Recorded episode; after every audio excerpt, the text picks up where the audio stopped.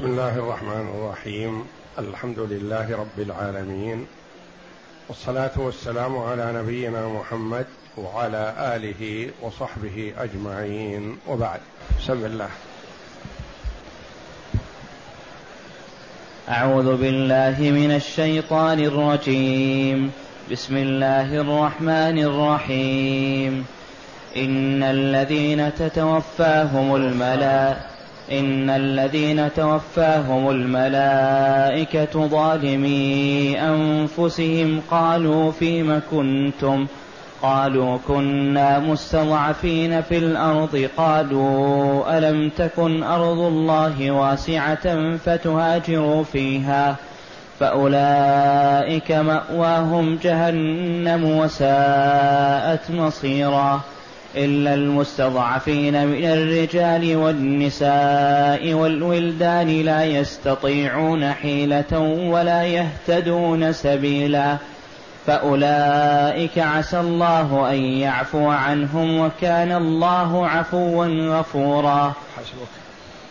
هذه الآيات الكريمة من سورة النساء جاءت بعد قول الله جل وعلا لا يستوي القاعدون من المؤمنين غير أولي الضرر والمجاهدون في سبيل الله بأموالهم وأنفسهم. فضل الله المجاهدين بأموالهم وأنفسهم على القاعدين درجة. وكلا وعد الله الحسنى.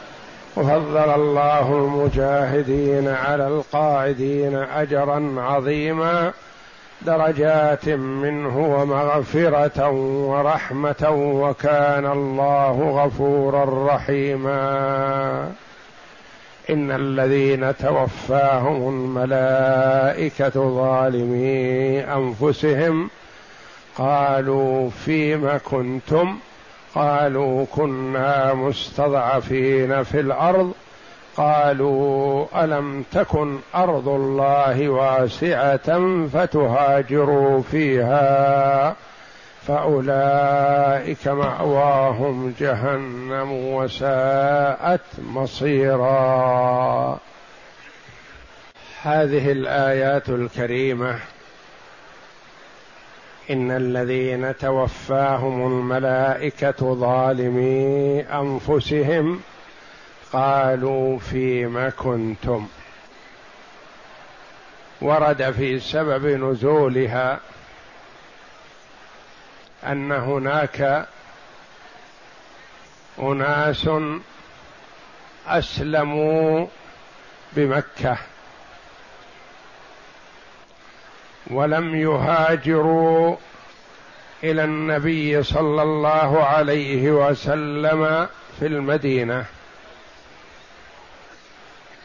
وحينما خرج كفار قريش لحماية وإنقاذ حملة أبي سفيان القادمة من الشام التي حصلت فيها موقعة بدر الكبرى أخرج المشركون هؤلاء المسلمين معهم. وقتل من قتل من المسلمين المستخفين بإسلامهم. فعلم بذلك المسلمون وقالوا قتلنا إخواننا. وهم كانوا يقاتلون مع المشركين. فأنزل الله جل وعلا إن الذين توفاهم الملائكة ظالمي أنفسهم. الآيات. وذلك أن المسلمين تأسفوا. كيف قتلنا إخواننا؟ فأنزل الله جل وعلا بأنهم ليسوا بإخوانكم حقيقة. لأن المشركين فتنوهم فافتتنوا. وقاتلوا مع المشركين. وأكثروا سواد المشركين. فأخبر الله جل وعلا بأنهم بهذا ليسوا من المسلمين. وهذا تأكيد من الله جل وعلا لعباده بأن الهجرة واجبة على من لم يستطع إظهار دينه.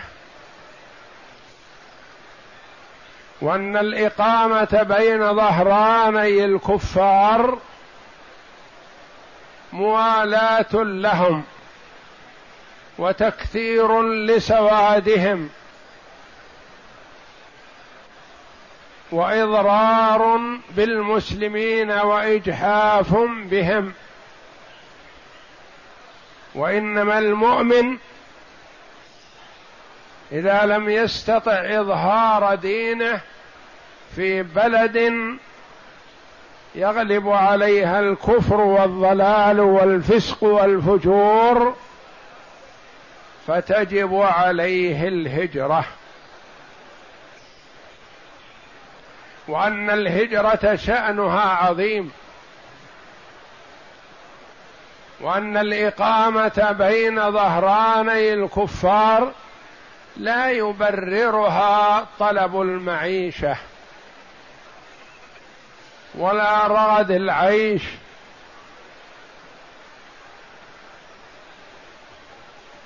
وإنما المبرر للإقامة إذا كان المرء على خير بأن كان يدعو إلى الله ويستطيع إظهار دينه.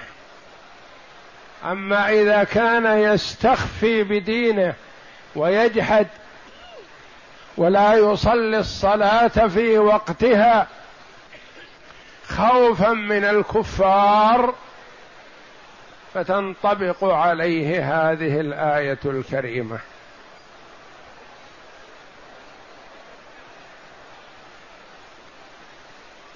يقول الله جل وعلا إن الذين توفاهم يصح أن يكون الفعل هذا ماضي يعني توفتهم الملائكة.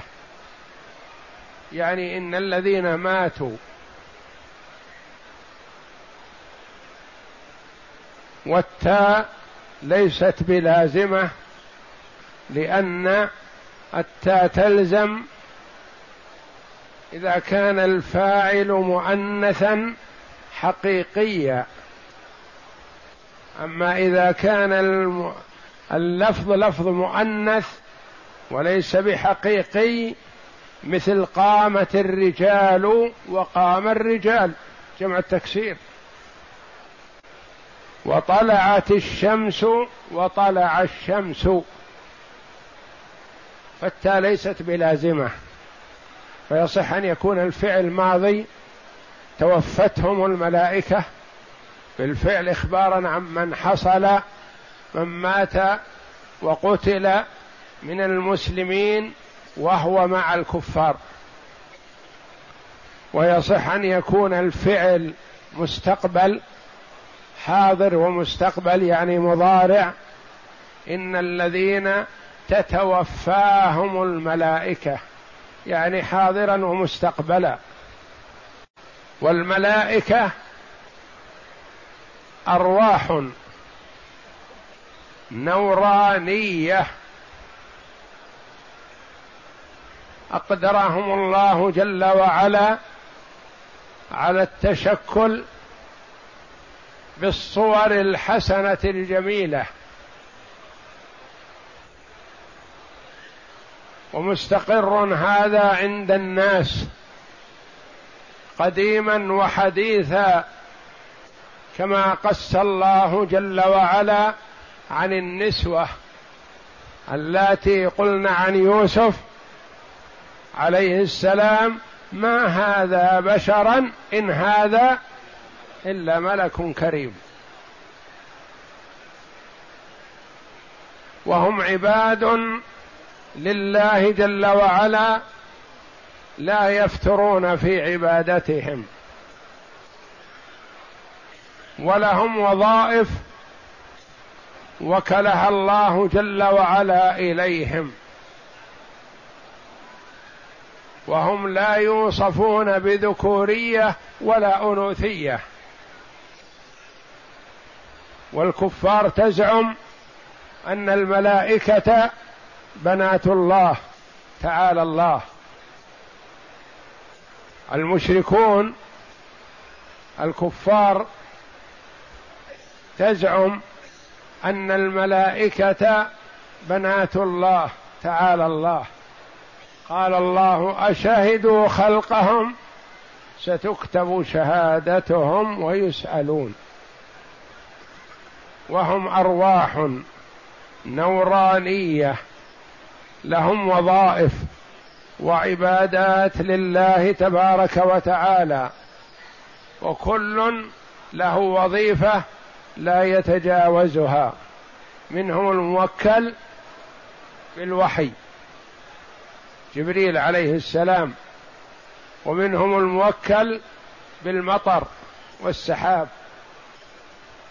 ومنهم الموكل بقبض الأرواح ومنهم الموكل بالحفظة يحفظون بني آدم عما لم يقدر لهم وعليهم.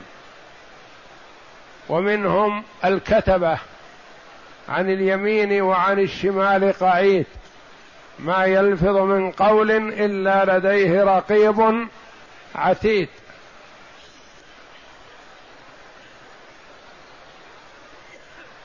وهم كثير لا يعلم عددهم إلا الله كما جل قال جل وعلا ما يعلم جنود ربك إلا هو. وهم لا يتوالدون وهم بأعمالهم قائمون عليهم الصلاة والسلام. ووظائفهم متفاوتة.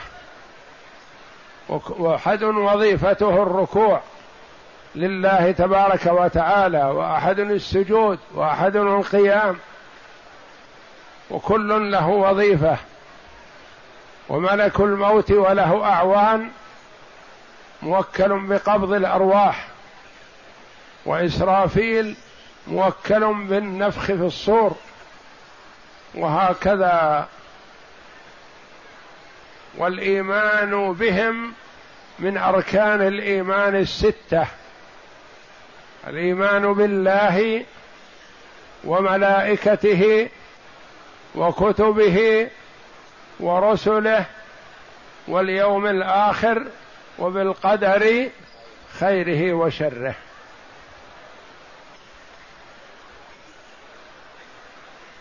وجبريل عليه السلام يأتي إلى النبي صلى الله عليه وسلم بأشكال. كثيرا ما يأتي إليه بصورة رجل من العرب يقال له دحية الكلبي يأتي إلى النبي صلى الله عليه وسلم وتراه عائشة رضي الله عنها وتجزم أنه دحية الكلب. ويأتي إلى النبي صلى الله عليه وسلم وعنده الصحابة ولا يعرفونه على أنه رجل غريب. كما في حديث جبريل عن عمر بن الخطاب رضي الله عنه قال بينما نحن جلوس عند النبي صلى الله عليه وسلم اطلع علينا رجل شديد بياض الثياب شديد سواد الشعر لا يرى عليه أثر السفر ولا يعرفه منا أحد. واستأذن إلى النبي صلى الله عليه وسلم وسأله عن الإسلام والإيمان والإحسان فأجابه النبي صلى الله عليه وسلم. وسأله عن الساعة فقال ما المسؤول عنها بأعلم من السائل يعني علمي وعلمك سواء. وسأله عن أمارات الساعة فأخبره. وجبريل عليه السلام يعرف ذلك لكنه يسأل ليسمع الصحابة ويستفيدوا. فقال النبي صلى الله عليه وسلم بعد فترة وهم لا يدرون من هذا الرجل أتدرون من السائل؟ قالوا الله ورسوله أعلم. قال فإنه جبريل أتاكم يعلمكم دينكم. يسأل لتسمعوا وتستفيدوا.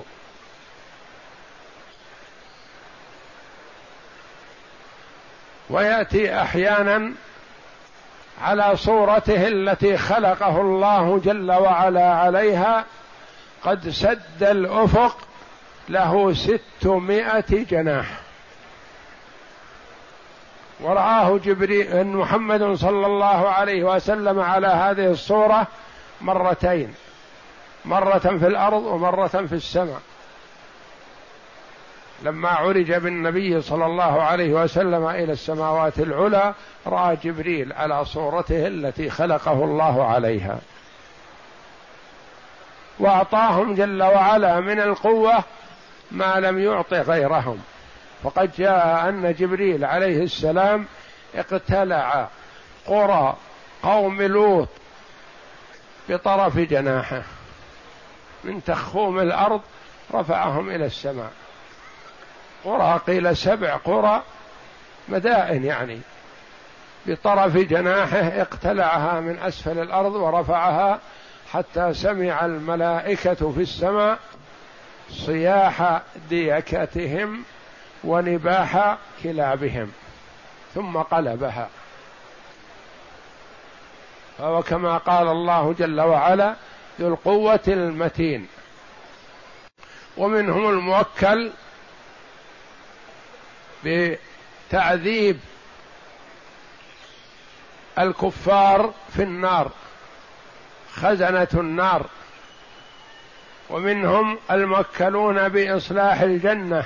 وتهيئتها لعباد الله المؤمنين وظائفهم شتى. توفاهم الملائكة. قال العلماء رحمهم الله من قوله توفاهم أنه ما يموت أحد حتى يستوفي ماله. ما يمكن يموت وبقي له في الدنيا شيء.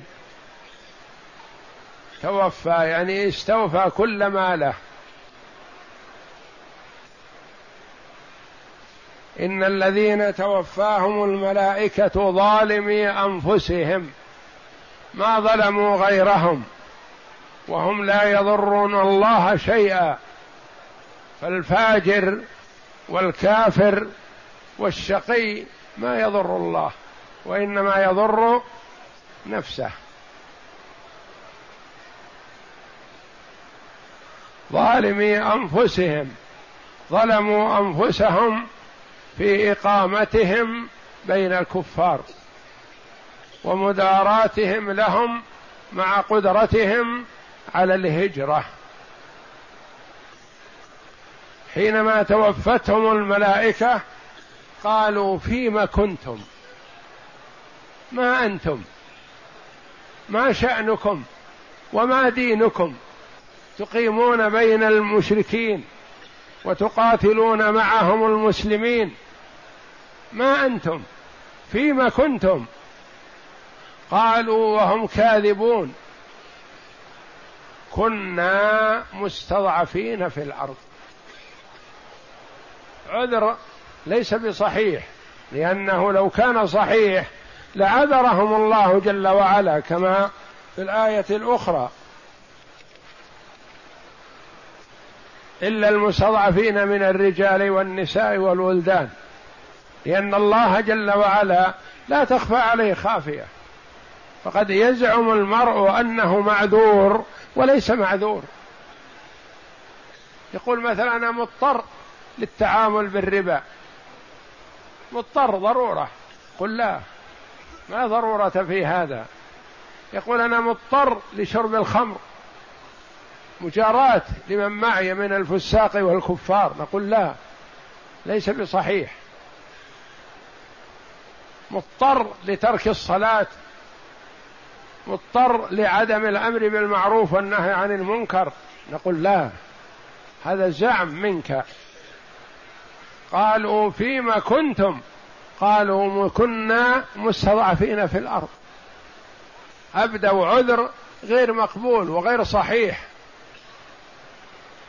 لأن كل إنسان يحاول أن يبرر موقفه وعمله. فهل يطاع؟ لا. مضطر للتهاون في الصلاة مضطر لتفويتها عن وقتها. أنا في المحاضرة أنا في الدرس أنا كذا أنا كذا. لا هذا ما في ضرورة. ولا يجوز للمسلم أن يقوم بعمل دنيوي يترتب عليه تفويت واجب شرعي.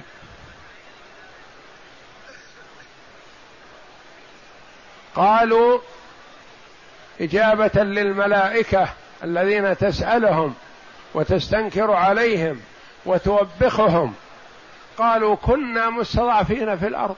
ما نستطيع الهجرة. فيه من هو أضعف وأضعف منكم بكثير وهاجروا. من حاول أدرك. وهناك مستضعفون حقيقة معذورون. لكن هذا ادعاء. قالوا كنا مستضعفين في الأرض ما نملك ولا نستطيع الهجرة. قالوا الملائكة عليهم السلام لهم. ألم تكن أرض الله واسعة فتهاجروا فيها؟ كانوا كنا مستضعفين في الأرض يعني أرض مكة أو أرض الكفار مطلقة. هنا ما نستطيع الهجرة من أرض الكفار. قالوا ألم تكن أرض الله واسعة؟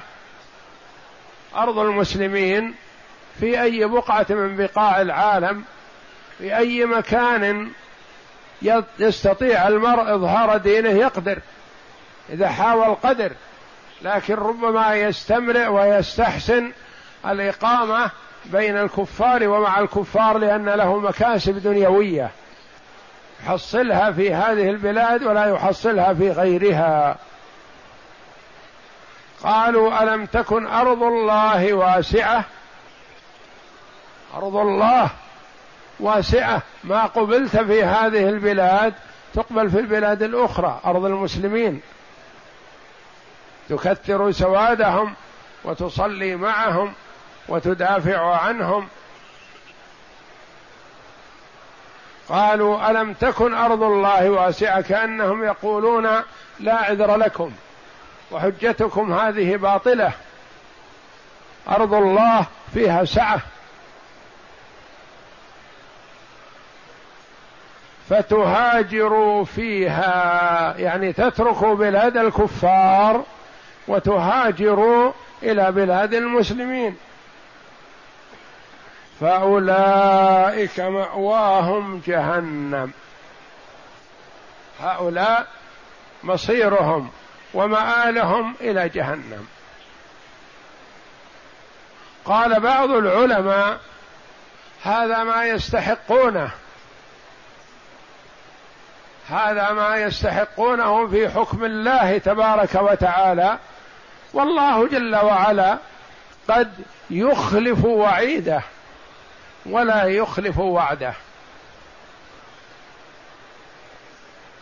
فهو خبر من الله جل وعلا قد يتخلف لسبب من الأسباب. يعني هذا الذي يستحقونه إن عاقبهم الله جل وعلا بما يستحقونه.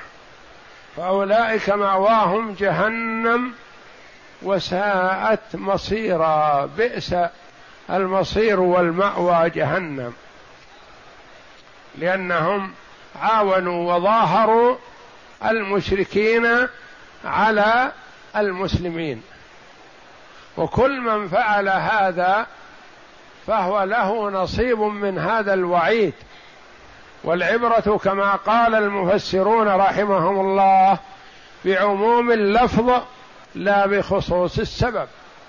قد تكون يكون السبب أنها نزلت في أفراد قتلوا يوم بدر مع المشركين. وهم مسلمون. يعني يشهدون أن لا إله إلا الله وأن محمد رسول الله لكن ما هاجروا مع قدرتهم على الهجرة. فهم متوعدون بهذا الوعيد. والله جل وعلا قد ينفذ وعيده وقد يعفو ويتجاوز.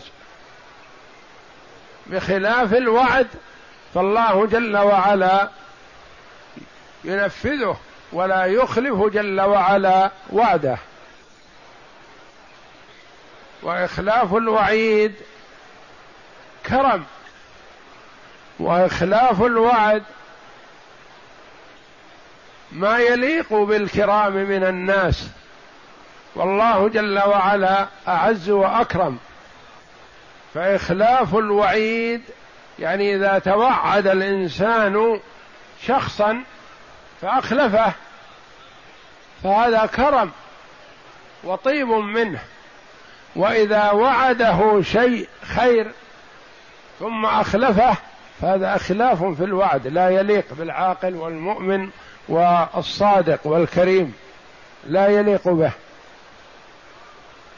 فالله جل وعلا توعد هؤلاء وأمثالهم بهذا الوعيد. وهذا فيه تأكيد على شأن الهجرة وأن المؤمن المسلم لا يجوز له الإقامة في بلد الكفار إذا كان لا يستطيع إظهار دينه. أما إذا أقام في بلاد الكفار للدعوة إلى الله ويصلي الصلوات في وقتها ويقيم شعائر الإسلام ويراقب الآخرين ويسلم على يده أناس ويكون له أثر فهذا جهاد في سبيل الله ودعوة إلى الله يثاب عليها. فرق بين المقيم للدعوة وله أثر أو المقيم من أجل تجارة أو مصالح مادية ويجحد بعض الأمور ويخفيها عن الكفار حتى لا يغضبوا عليه. أو يستحل بعض المحرمات أو يترك بعض الواجبات مداراة للكفار.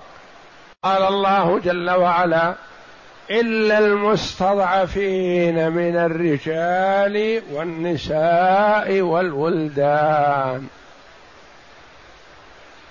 الله جل وعلا يعلم السر وأخفى. أولئك زعموا على أنفسهم أنهم مستضعفين. والله جل وعلا قال لا.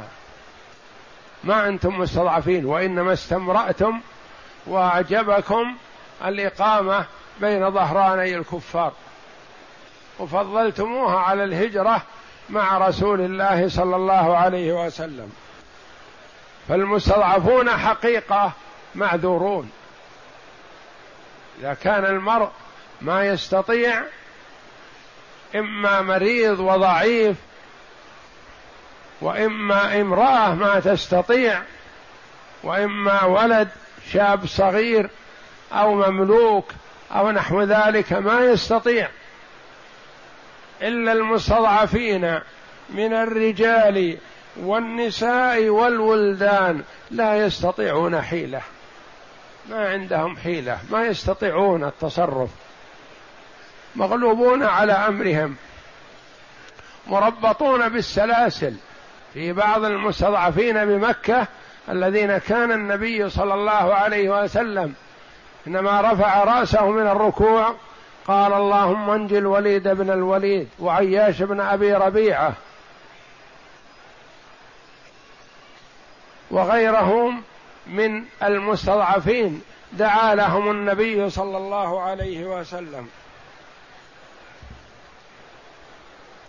وسلمت ابن هشام. وغيرهم من المستضعفين كان يدعو لهم لأنهم مغلوبون على أمرهم ما يقدرون. من الرجال والنساء والولدان. انظر ذكر الولدان مع أن الولد اللي دون البلوغ غير مكلف. وذلك لأهمية الهجرة أنه وإن كان غير مكلف فهو مأمور بالهجرة فرارا بدينه. يقول ابن عباس رضي الله عنهما عبد الله بن عباس ابن عم الرسول صلى الله عليه وسلم وحبر الأمة أنا وأمي من المستضعفين. أمي من النساء وأنا من الولدان. لأنهم كان إسلام أم الفضل. أم عبد الله بن عباس إسلامها قديم لكنها ما استطاعت الهجرة مع النبي صلى الله عليه وسلم لما هاجر إلى المدينة. وكانت مع العباس. والعباس خرج مع الكفار يوم بدر وأسر. ولم يطلقه النبي صلى الله عليه وسلم حتى دفع الفداء وهو عم الرسول صلى الله عليه وسلم. والزمه بفدائه وفداء عقيل ابن أبي طالب ابن أخيه.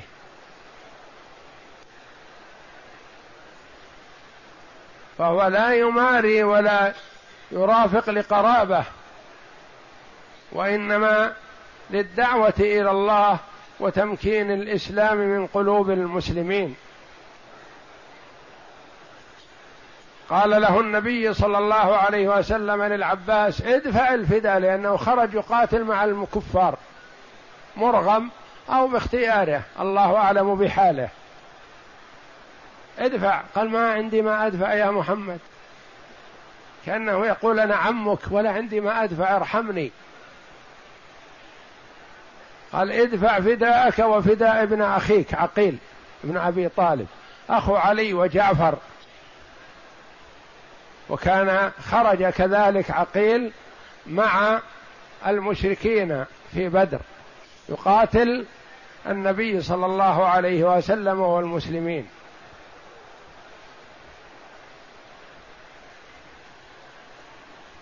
وكان من تنكيت عقيل على ما يروى عنه أنه كان طلب من علي مال فقال له علي رضي الله عنه ما أستطيع.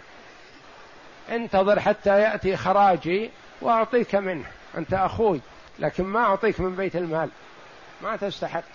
بعدما أسلم. قال تعطيني أو أذهب إلى معاوية. قال شأنك. اذهب إلى من شئت.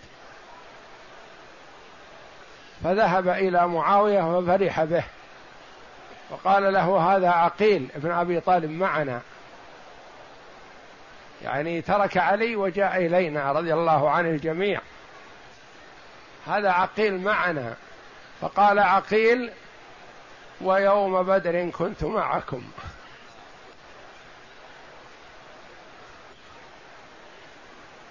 يعني مجيئي إليكم ليس بعبرة. يوم بدر كنت معكم كفار نقاتل النبي صلى الله عليه وسلم. ويروى أن معاوية أعطاه مئة ألف وعلي يقول ما عندي لك شيء إلا إذا جاء خراجي راتبي اللي يستحق أنا لنفسي أعطيك منه. أما أعطيك من بيت المال لا. فأعطاه معاوية على ما يقال مئة ألف. لأنه من صميم قريش ومن وجهائها وأعيانها وكان جريء في الكلام واللسان ونحو ذلك. فقال له معاوية اصعد على المنبر وأخبر الناس بما جرى بيني وبينك وبينك وبين علي أخوك. فقال نعم لا مانع. فصعد على المنبر فقال أما بعد أيها الناس فإني راودت عليا على دينه فأبى. وآثر دينه وقلاني. وراودت معاوية على دينه فآثرني على دينه. ما كان يريد منه معاوية هكذا رضي الله عن الجميع علم بالحقيقة مثل قوله يوم بدر كنت معكم. إنه من الجرأة والقدرة على الكلام بمكان ومن بني هاشم ومن كبارهم وشيوخهم. إلا أنه تأخر إسلامه رضي الله عنه. وقد روي أن النبي صلى الله عليه وسلم قال إني أحبك مرتين. أحبك لأنك ابن عمي وأحبك لأن أبا طالب كان يحبك. وكان أبو طالب يحب عقيل لأنه أكبر أولاده. وهو تأخرت وفاته عن أولاده كلهم. وعمي في آخر حياته.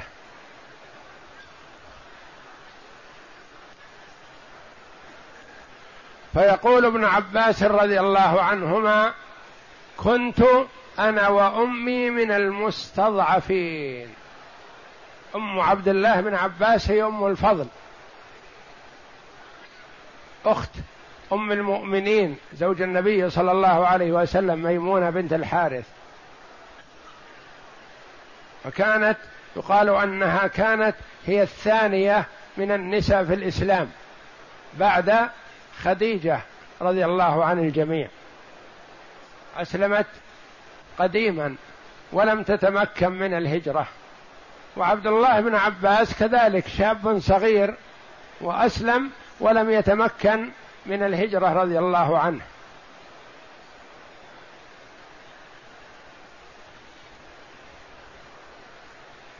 فعذر الله جل وعلا من لم يستطع. من فيه القيد من المشركين أو لا يستطيع أو امرأة لا تأمن على نفسها الطريق أو نحو ذلك فهؤلاء مستضعفون ومعذورون. والله جل وعلا لا يكلف نفسا إلا وسعها ويقول فاتقوا الله ما استطعتم. لا يستطيعون حيلة ولا يهتدون سبيلا. ما يستطيعون. ولا يقدرون على الخروج. ولا يدلون الطريق. ولا يعرفون كيف يخرجون. هؤلاء فأولئك عسى الله أن يعفو عنهم. وعسى من الله واجبة أوجبها على نفسه كرما وجودا سبحانه. ومع ذلك قال عسى الله أن يعفو عنهم. مع انهم ما يستطيعون قال عسى الله أن يعفو عنهم. لأن كون الإنسان ما يستطيع ليس معذورا على كل حال. قد يكون لا يستطيع لكن يحاول. يحاول ويبذل ما يستطيعه ثم يستطيع حينئذ. فأولئك عسى الله أن يعفو عنهم. دليل على أنهم معرضون لعدم العفو من الله مع أنهم غير مستطيعين وذلك لأهمية الهجرة التي تساهل بها الكثير من المسلمين اليوم. بل ربما يسمي بعضهم الهجرة إلى بلاد الكفار الذهاب إلى بلاد الكفار هجرة يهاجر إلى كذا يهاجر إلى كذا. وهذا عكس الهجرة الإسلامية الشرعية. والنبي صلى الله عليه وسلم بعد فتح مكة قال لا هجرة بعد الفتح ولكن جهاد ونية. لكن بقيت الهجرة من بلاد الكفر مطلقا إلى بلاد المسلمين. لا هجرة بعد الفتح لأن كان أول كما في الآية السابقة الهجرة واجبة من مكة إلى المدينة. لأن المسلم في مكة ما يستطيع إظهار دينه. فأوجب الله جل وعلا الهجرة. فلما فتح الله لرسوله صلى الله عليه وسلم مكة وصارت بلد إسلام وأمر النبي صلى الله عليه وسلم عليها عتاب بن أسيد رضي الله عنه صارت بلد إسلام. صار من أسلم من أهل مكة ومسلمة الفتح إن هاجر ليتعلم وليتفقه في الدين فحسن وإن بقي في مكة فلا حرج عليه لأن أصبحت بلاد إسلام. فكثير من المسلمين اليوم يخرجون من بلاد الإسلام إلى بلاد الكفر وربما يسميها بعضهم هجرة وهذا عكس الاسم الشرعي. وهذا الخروج إن كان للدعوة إلى الله جل وعلا فهو معذور وله مكانة وله فضل.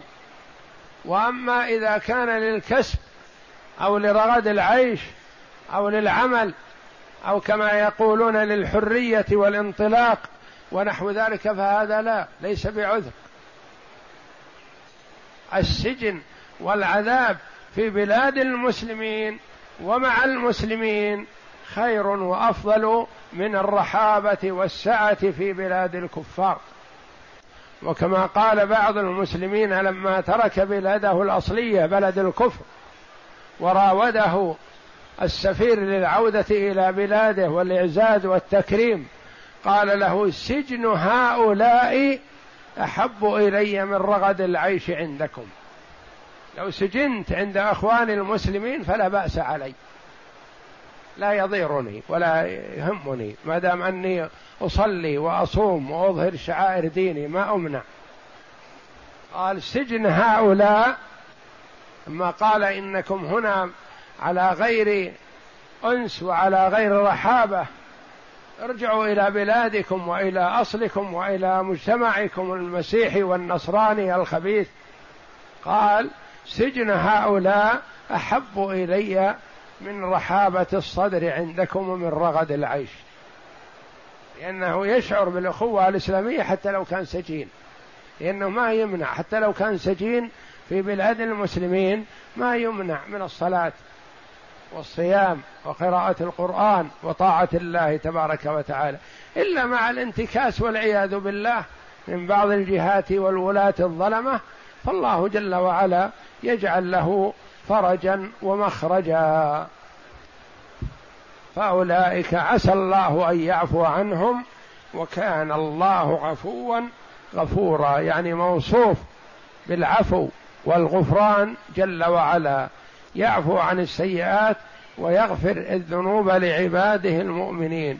قل يا عبادي الذين أسرفوا على أنفسهم لا تقنطوا من رحمة الله إن الله يغفر الذنوب جميعا إنه هو الغفور الرحيم.